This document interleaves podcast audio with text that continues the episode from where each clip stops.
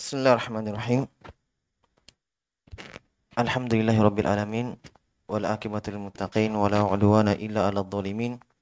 Asyhadu an la ilaha illallah wahdahu la syarikalah. Ilahul awwalin wal akhirin wa asyhadu anna Muhammadan abduhu wa rasuluhu wa khatamun nabiyyin. Sallallahu alaihi wa ala alihi wa ashabihi ajma'in amma ba'd. Ikhwani rahimani wa rahimakumullah. Ya, sebagaimana yang telah kita baca pada pertemuan sebelumnya, kita sudah menyelesaikan pelajaran kita Sitatu Mawadhi' min Sirah. Pada pertemuan kali ini untuk mengisi waktu yang ada saya akan nukilkan atau saya akan bacakan satu ya kutipan faidah dari Ibnu Qayyim rahimahullah taala dalam kitabnya Al-Fawaid. Beliau di sini memberikan satu bab khusus satu, satu faidah dalam kitabnya Al-Fawaid. Kata beliau ar-rizqu wal ajalu. Tentang rezeki dan ajal Kata beliau rahimahullah taala ya di sini beliau sebutkan ya, faedah yang kita anggap penting sekali dan baik sekali untuk dibaca. Kata beliau di sini dalam Al-Fawaid, "Farriq khatiraka lil hammi bima umirta bihi wala tashghalhu bima dumina laka. Fa inna rizqa wal ajalu wal ajala qarinani matmunan Famadamal ajalu baqiya kana rizku atiya. Kata beliau rahimahullahu taala Fokuslah engkau ya, pada atau fokuskan pikiranmu ya, fokuskan keinginanmu fokuskan rencanamu ya, himmahmu cita-citamu bima umir tabihi pada apa-apa yang kau diperintahkan dengannya. Ya. Itu beribadah. Tujuan kita dicipta oleh Allah Subhanahu wa taala. Mentauhidkan Allah. Ini perintah Allah Subhanahu wa taala. Seluruh perintah Allah Subhanahu wa taala kebaikan. Jadi himmahmu di sini kata Ibnu Qayyim rahimahullah taala. Wala tashghalhu bima duminalak. Tidak usah kamu terlalu menyibukkan dirimu dengan apa-apa yang telah dijamin untukmu. Paham? Itu rezeki. Kalau rezeki kan sudah dijamin, pasti. Makanya kata beliau, fa inna rizqa wal ajala qarinani matmunan. Karena rezeki dan ajal, rezeki dan ajal itu dua sahabat yang saling ya, bergandengan. Dua sahabat yang saling bergandengan. Famadamal ajalu baqiyah selama ajal masih ada umur maksudnya ya. Ajal maksudnya umur. Ya. Maksudnya selama umur masih ada, ajal belum datang, ya. Karena rizku atia, maka rezeki itu pasti datang. Jadi Ibnu Qayyim di sini rahimahullah taala mengingatkan kita bahwa seorang hamba itu hendaknya selalu fokus saja untuk beribadah kepada Allah Subhanahu wa taala dan selalu mengingat tujuan dan hikmah Allah Subhanahu wa taala menciptakan dia. Tidak terlalu menyibukkan diri, menghabiskan waktu, menghabiskan umur untuk mengejar dari perkara-perkara dunia. Ya. Betul kita diizinkan, diberikan ya, izin, dibolehkan untuk mencari rezeki. Mencari nafkah. Tetapi bukan itu tujuan kita hidup di dunia.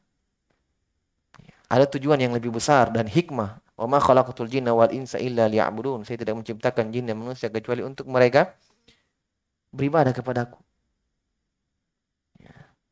Allah perintahkan nabinya dalam Al-Quran wa'mur ahlaka bis salati wastabir alaiha la nas'aluka rizqa Nahnu narzukuk wal.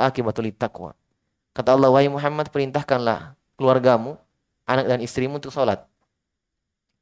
La nas'aluka rizqa. Saya tidak meminta darimu, wahai Muhammad, rezeki. Nahnu narzukuka. Kamilah yang memberikan rezeki kepadamu. Perhatikan. Kau perintahkan saya keluargamu untuk salat, rezeki saya yang tanggung, kata Allah. Oleh karena itu, kata para ulama, Perhatikan ayat ketika Allah sebutkan hikmah penciptaan manusia, "Ma khalaqtul jinna wal insa illa liya'budun." Setelah itu apa? Allah sebutkan, "Ma uridu minhum rizkin." Ini lanjutan ayatnya. Saya tidak menciptakan jin dan manusia kecuali untuk mereka beribadah kepada aku kata Allah Subhanahu wa taala. Setelah itu kata Allah, "Ma uridu minhum min rizkin." Saya tidak menginginkan mereka dari rezeki. Maksud saya tidak menginginkan dari jin dan manusia memberikan rezeki kepada aku kata Allah Subhanahu wa taala. Inna Allah wa kuwatil matin. Allah yang maha memberikan rezeki. Lagi maha kuat. Kaitannya apa? Setelah Allah sebutkan hikmah dan tujuan diciptakannya manusia. Kemudian Allah menyinggung tentang rezeki. Kata para ulama ini ada isyarat dari Allah subhanahu wa ta'ala. Bahwa kalian itu hendaknya selalu ingat saja tujuan kalian apa di dunia ini. Diciptakan oleh Allah subhanahu wa ta'ala. Apa tujuannya? Yaitu beribadah. Adapun rezeki, Allah yang menjaminnya. Ya kan? Allah yang menjaminnya. Jangan justru terbalik. Kalian hidup seakan-akan untuk mengumpulkan harta sebanyak-banyaknya. Seakan-akan itu mau dibawa. Mengekalkan. Wailu likulli humazatil lumazah. Alladhi jama'a malan wa'addadah. Celakalah mereka. Al-lumazah. Di antara maknanya yang selalu jelek-jelekkan manusia. Kemudian kata Allah, Alladhi jama'a malan wa'addadah yahsabu anna malahu akhladah. Orang-orang yang selalu mengumpulkan uangnya, hartanya, dah hitung-hitung. Dan dia yakin dan menyangka bahwa hartanya mengekalkan dia. Bukan dilarang bekerja mencari rezeki, tidak. Tetapi itu hanya sekedar kebutuhan hidup kita saja di dunia. Ada yang le lebih kita fokuskan, yaitu untuk beribadah kepada Allah. Wabtagi fima atakallahu darul akhirah wa tansa nasibaka. Kata Allah Subhanahu wa taala, kejarlah akhirat kalian, kejarlah apa-apa yang saya janjikan untuk kalian, simpankan untuk kalian dari negeri akhirat. Kejar akhirat kalian. Wala tansa nasibaka minad dunya. Jangan engkau lupakan bagianmu di dunia. Kamu juga butuh tidur, butuh makan. Ya. Tetapi perintahnya itu kejar akhirat. Jangan lupa dunia. Bukan sebaliknya. Ya, manusia sebaliknya. Ya, kejar duniamu, kejar sekolah tinggi-tinggi dan seterusnya, jangan lupa sholat. Jangan lupa puasa. Jadi jangan lupanya akhirat. Pada nasihat Allah dalam Al-Quran, kejar akhiratmu, jangan lupa bagianmu di dunia. Ya, jangan lupa bagianmu di dunia. Tetapi ya, sebagian orang, apalagi dari orang tua kepada anaknya, ini sudah nasihat paling baik. Ya, sekolah tinggi-tinggi nak. Ya. Terus jangan lupa sholat. Ya. Jangan lupa. Ya, jangan lupanya dia akhiratnya. Nah, ini yang perlu diingatkan oleh manusia. Ya. Perhatikan kata Ibnu Qayyim, "Wa idza sadda 'alaika bi hikmatihi tariqan min turuqih fatahalaka bi rahmatihi tariqan anfalaka minhu."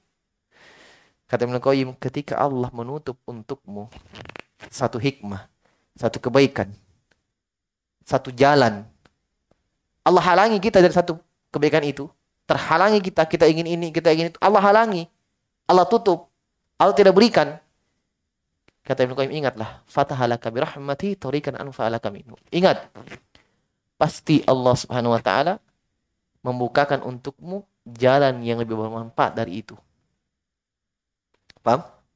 Kadang kita minta, ya Allah berikan saya keturunan, ya Allah berikan saya ini, ya Allah berikan saya ini. Terhalangi kita, kita ya. kadang langsung suudon, saya tidak dikabulkan. Ingat, bahwa pasti Allah berikan kita yang lebih baik daripada itu. Itu pasti itu. Hanya tinggal ya, melihat saja. Allah ingin melihat usaha kita sampai di mana, kesabaran kita sampai di mana, ketabahan kita sampai di mana. Pasti Allah bukakan jalan yang lebih bermanfaat. Karena tidak semua yang kita anggap baik untuk kita, di sisi Allah, iya, baik untuk kita. Kan begitu. Ketika Allah turunkan perintah jihad, asa antakrau syai'a wa khairul lakum. Bisa jadi sesuatu yang kalian benci, baik untuk kalian. Bisa jadi sesuatu yang kalian cintai, kalian suka, jelek untuk kalian. Wallahu ya'lamu antum la ta'lamun. Allah mengetahui dan kalian tidak mengetahui. Kata Ibnu Qayyim, fata'ammal halal janin ya'tihi godha'uhu. Masya Allah, perhatikan, beliau buka akal kita. Perhatikanlah keadaan janin. Perhatikan keadaan janin di dalam perut. Allah berikan untuknya makanan. Sementara dia masih segumpal darah. Pernah berusaha itu janin dari dalam perut? Kita di dalam perut pernah berusaha kerja dalam perut? Tapi rezeki datang. Kenapa ketika keluar dari perut ibu, kenapa langsung meragukan rezekinya manusia itu? Ya kan? Di dalam perut dia tidak pernah berpikir, saya di dalam perut tidak berusaha, belum hidup, belum bisa jalan, belum bisa apa-apa. Allah sudah jamin rezekinya. Paham maksudnya?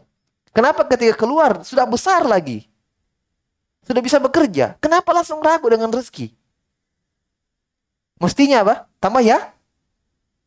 Tambah ya? Tambah yakin dong. Kata Ibnu Qayyim, perhatikan keadaan janin di dalam perut. Dia masih segumpal darah. Dapat rezeki. Apa yang dia makan ibunya? Rezeki bagi dia. Mintorikin wahidah wahwa surroh. Satu jalur rezeki yang Allah berikan kepada janin. Satu jalur saja. Tali pusar. Ya tidak? Dari tali pusar itu makan ibu masuk ke janinnya melalui tali pu tali pusar. Falamma kharaja min batnil ummi wa qata'at tilka tariq Ibnu Qayyim mengatakan ketika janin itu keluar dari perut ibunya, Allah putuskan jalur rezeki itu. Allah ganti dengan dua. Air su, air su, susu. Allah putuskan satu, ganti dua. Putus jalur rezeki tapi Allah ganti dengan dua. Ketika dia keluar dari perut ibunya, Allah ganti dengan dua jalur rezeki. Subhanallah. Masihkah kita ragu dengan rezeki itu? Ini kita sudah besar, sudah kerja, sudah kuat. Kok bisa ragu dengan rezeki? Hanya fokus mencari itu saja. Sehingga tujuannya dicipta oleh Allah dia lupakan. Ini kan manusia kayak seperti tidak berpikir. Kan begitu. Kita masih kecil belum bisa apa-apa. Rezeki banyak lebih banyak daripada dalam perut. Ya. Waktu kecil main tinggal nangis dikasih. Ya kan? Main nangis-nangis dikasih orang tua. Rezeki kita juga. Bukan rezekinya orang tua, karena kita yang makan. Rezeki itu apa yang termanfaatkan untuk badan, itu rezeki kita semua. Jadi orang tua kita dapat memberikan kepada kita rezeki kita. Karena kita yang manfaatkan. Itu rezeki. Jelas ya? Kata Ibnu Qayyim, fataha lahu tariqain itsnain wa ajra lahu fihi ma rizqan atyab wa ladza min al-awwal labanan khalisan sa'iga. Sa'igon. Ibnu Qayyim mengatakan ketika keluar dari perut ibunya, Allah putuskan satu jalur rezeki itu, Allah ganti dengan dua jalur rezeki yang lebih lezat dari paling pertama. Lebih enak dari yang paling pertama. Itu air susu yang murni dari ya, susu ibunya. Fa'idha tammat muddatur ridha' wangqata'ati tariqani bil fitam. Ketika Allah Subhanahu wa taala, ketika terputus ini, terputus masa penyusuan berapa tahun? Dua. Ya fatahaturukun arba'atan akmala minha. Allah subhanahu wa ta'ala bukakan untuk dia empat jalur rezeki. Jadi satu, putus satu jadi dua, putus dua jadi, dari, jadi empat. Ketika kita berhenti menyusu, Allah ganti makanan itu. Dari empat. To'amani wa syarabani. Dua makanan dan dua minuman. Fatto'amani minal haywan wa nabat makan dua makanan ini dari hewan dan tumbuh-tumbuhan, ya tidak? Coba cuma makanan kita. Dari hewan, daging, ayam, ikan, iya. Dan dari nabat, buah-buahan. Kita makan semua itu. Karena itu sudah menyusui selesai. Boleh kita makan yang makan orang dewasa, walaupun masih sedikit-sedikit. Bubur, nasi, iya. Wasyaroban, dua minuman dari mana? Almiyah wal alban, air dan susu. Subhanallah. Jadi empat loh. Masih ragu dengan rezeki? Wa ma yudofu ilaihi minal manafi wal maladhi. Dan apa yang disandarkan, apa yang merentet dari empat ini dari makanan-makanan dan sangat banyak. Iya. Faidha matan qata'at anhu hadi turuku al arbah ketika manusia itu mati kalau dia bersyukur dari empat nikmat yang Allah berikan kepada dia dua jari makanan dan dua dari minum minuman Allah ganti untuknya delapan pintu surga kalau bersyukur kata Ibnu Qayyim lakinnau subhanahu wa ta'ala in sa'idan turukun samaniyah kata Ibnu Qayyim Allah gantikan dari empat jalur rezeki itu ketika dia meninggal kalau dia sa'idan orang yang beruntung orang yang bahagia orang yang bersyukur Allah ganti dengan delapan jalan, delapan pintu surga. Wa abwabul jannah, pintu surga samaniyah yang delapan. Yadkhulu min ayyiha sya'a. Dia akan masuk dari arah mana yang dia inginkan. Coba perhatikan subhanallah dari janin sampai meninggal Allah jamin ya. Fahakadha Rabbu subhanahu kata Ibnu Qayyim itulah Rabb kita. Itulah Allah. Itulah Allah Subhanahu wa taala. La yamna'u abdahul mu'mina syai'an minad dunya illa wa yu'tihi afdala minhu wa anfa'alahu. Masya Allah. Itulah Allah kata Ibn Qayyim. Bagaimana itu Allah? Yang tidaklah dia tutup. Dia halangi dari seorang hamba yang beriman. Sesuatu yang dia inginkan. Allah cegah dia dari kau yang ini ya Allah sehat. Ya. Cegah, dilarang, ditutup, tidak diberikan dari kehidupan dunia illa wa ya'tihi afdala minhu wa anfa'alahu kecuali pasti Allah berikan dia dengan yang lebih baik dan lebih bermanfaat untuk dia tapi bukan yang dia minta ya.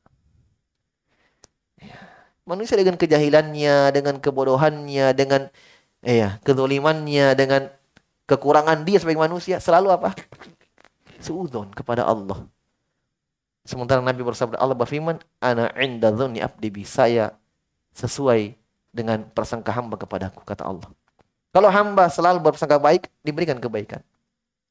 Dia ingin ingin, ah, insya Allah ada yang gantinya. Diganti itu. Kenapa? Karena Allah sudah katakan, saya tergantung sangkan hamba kepadaku. Ya, makanya dalam bab ini tidak boleh ada totoyur, kesyirikan. Lihat lihat kesialan, lihat ini, eh mati nih. Ya bencong apa sial. Hah? Lihat ini. Kadang dia dapat, iya karena sudah berprasangka buruk kepada Allah. Dari mana kalian tahu itu kalian akan mendapatkan musibah? Tidak ada kaitannya itu dengan musibah. Ya kan? Tidak ada kaitannya apa yang kalian lihat, burung, ada burung gagak, burung hantu. Tidak ada kaitannya dengan kematian. Kadang terjadi, iya karena kamu sudah suzon kepada Allah. Allah sudah mengatakan apa? Saya sesuai dengan sangkaan hamba kepada kepada aku. Makanya dilarang tatayur dalam bab syariat, tauhid, akidah dilarang tatayur, tidak boleh. Kenapa? Ada bentuk suudzon kepada Allah Subhanahu wa taala. Itu pertama. Yang kedua, itu tidak ada kaitannya dengan kehidupan. Apa yang kita lihat, kita bawa ke kehidupan kita. Tidak ada kaitannya. Itulah kesyirikan. Ya. Nah, di sini intinya Ibnu Qayyim ingin mengingatkan kita satu, yaitu kita fokus beribadah kepada Allah dan selalu berpersangka baik kepada Allah Subhanahu wa taala. Ya. Tapi itulah manusia. Kata Ibn Qayyim, "Laisa dzalika li ghairil mu'min." Tetapi yang Allah berikan kebaikan itu, ketika dia minta satu perkara Allah ganti dengan lebih baik, kata Ibn Qayyim, itu tidak didapatkan selain orang-orang yang beriman. Hanya orang beriman saja yang dapatkan. Kenapa? Karena mereka adalah ya, makhluk-makhluk, manusia-manusia kesayangan Allah. Allah yang Allah rahmati mereka, Allah sayang mereka. Minta satu diberi dua. Minta dua diberi empat. Ya kan? Coba, rahmat Allah luas sekali. Tidak minta ini diberi yang lebih baik. Subhanallah. Fa innahu yamna'ul adna al khatisa wala yarda liyu'tihahu al hadzul a'la al nafisa. Masya Allah, ini Qayyim ini. Subhanallah.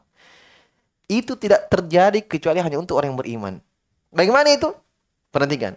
Allah larang mereka, Allah halangi mereka dari perkara yang hina yang dia minta mungkin di sisi Allah hina. Manusia mau dunia, hamba mau dunia, Allah berikan saya. Di sisi Allah itu hina untuk kau.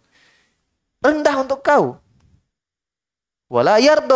Dan Allah tidak ridho untuk hambanya itu. Makanya dicegah, dihalangi, tidak diberikan. Untuk apa? Kenapa Allah larang? Cegah liyu'tiyahul hadul a'lan nafisa agar Allah berikan dia sesuatu yang lebih tinggi dan lebih berharga. Itulah Allah. Itulah Allah Subhanahu wa taala. Wal abdu, tapi hamba kata Ibnu Qayyim kebodohannya terhadap apa? Bima solihin nafsi wa jahlihi bi karami rabbihi wa hikmatihi wa lutfi. Manusia dengan kebodohannya, kejahilannya terhadap kemaslahatan untuk dirinya. Sekarang siapa yang lebih tahu tentang diri kita? Kita atau Allah? Allah jelas. Makanya Ibnu mengatakan hanya manusia seperti itu, bodoh, jahil terhadap kebaikan untuk dirinya sendiri. Dan ditambah lagi kebodohan, kejahilan terhadap kemuliaan dan kebaikan Allah dan hikmahnya La ya'rifu tafawuta baina ma muni'a minhu wa baina ma dzukira. Dia tidak tahu perbedaan yang sangat signifikan, yang sangat jauh perbedaannya antara apa yang Allah larang untuknya, apa yang Allah halangi untuknya, dengan apa yang Allah simpan untuknya. Ini dia tidak tahu ini. Bisa dipahami? Jahil dia, dia tidak tahu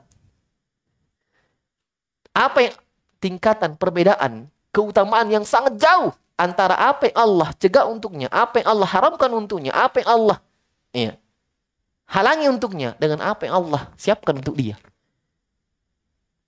Ya kan? Itulah dunia dan akhirat. Kita mau dunia, Allah simpankan kita di akhir yang lebih besar. Tapi kenapa kita mau yang dunia yang sekarang, kita korbankan yang akan datang. Akhirat. Itulah manusia. Zoluman jahula. Zolim, bodoh. Itulah manusia. Ya kan? Ya. Ini kau yang pahamkan kita. Kenapa kita himmahnya kita dunia terus? Padahal ada akhirat yang lebih baik yang Allah timpankan untuk kita.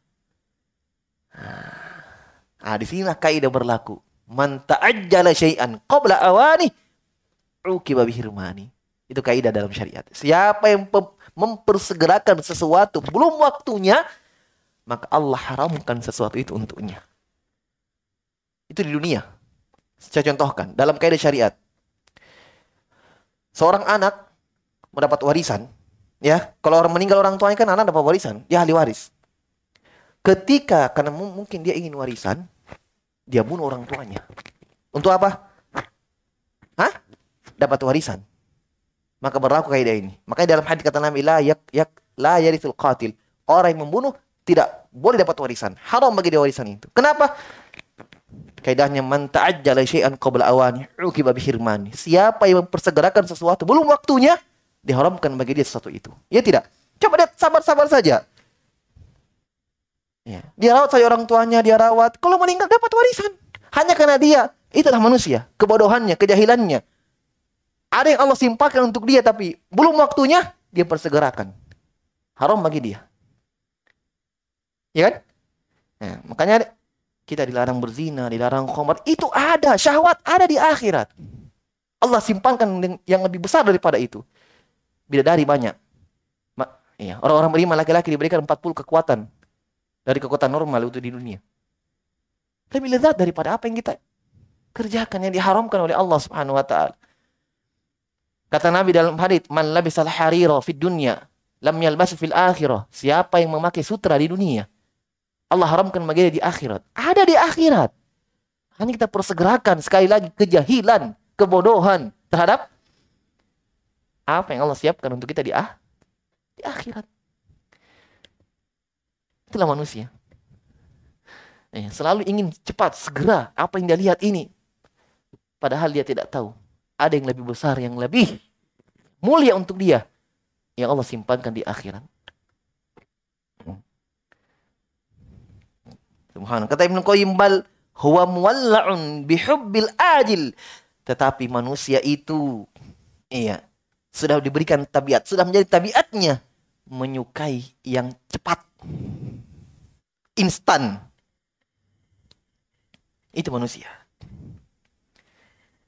Di dunia dia lihat, dia mau. Ini yang kenikmatan apa yang dia lihat orang punya, dia mau juga. Padahal ketika Allah halangi untuk kau, ketika Allah tidak beri kau, yakinlah bahwa Allah ada yang lebih baik daripada itu. Kan begitu. Hanya manusia seperti itu. Ah, sudah ada sudah ada hasad lah, ada ini, ada itu. Dia lihat orang hidup mau juga. La hasad illa fi sunatain. Tidak ada hasad kecuali pada dua. Yaitu kepada rajulun atahu Allahu malan fasaddaqa bima halakatu fil haq. Itu ketika seorang diberikan harta, dia habiskan harta itu di jalan kebenaran. Ya. Dan seorang yang diberikan ilmu agama diajarkan ilmu itu diamalkan. Tidak ada kita ingin, saya ingin juga, saya ingin juga, giptoh namanya. Saya ingin ini, saya ingin itu, tidak ada kecuali dua. Orang yang diberikan harta dia sedekahkan, ya Allah saya ingin juga seperti itu. Dan orang yang diberikan ilmu, diajarkan, diamalkan, ya Allah saya juga seperti itu, ingin seperti itu. Kita tidak. Ya. Tetangga punya mobil banyak, punya ini, eh mau juga, mau juga. Bisa saja begitu di. Ya manusia seperti itu. Wa in kana dani'an. Ibnu Qayyim mengatakan manusia selalu cinta kepada yang ada sekarang yang segera walaupun itu hina, rendah. Wa bikillati raghbah fil ajil dan manusia itu sedikit raghbahnya, sedikit keinginannya, kemauannya terhadap apa yang akan datang nanti di depan yang Allah simpangkan untuk dia wa aliyan walaupun itu sebenarnya lebih tinggi daripada apa yang sekarang. Man ta'ajjala syai'an qabla awani uqiba bihirmani. Siapa yang mempersegerakan sesuatu belum waktunya, uqiba bihirmani. Diharamkan bagi dia sesuatu itu. Nah, ya, ini faedah penting dari Ibnu Qayyim rahimahullah. Kesimpulannya bahwa ya, beliau mengingatkan kepada kita, hendaknya kita selalu ya, mengingat tujuan dan hikmah kita dicipta oleh Allah Subhanahu wa taala. Kita hidup bukan untuk bersenang-senang saja.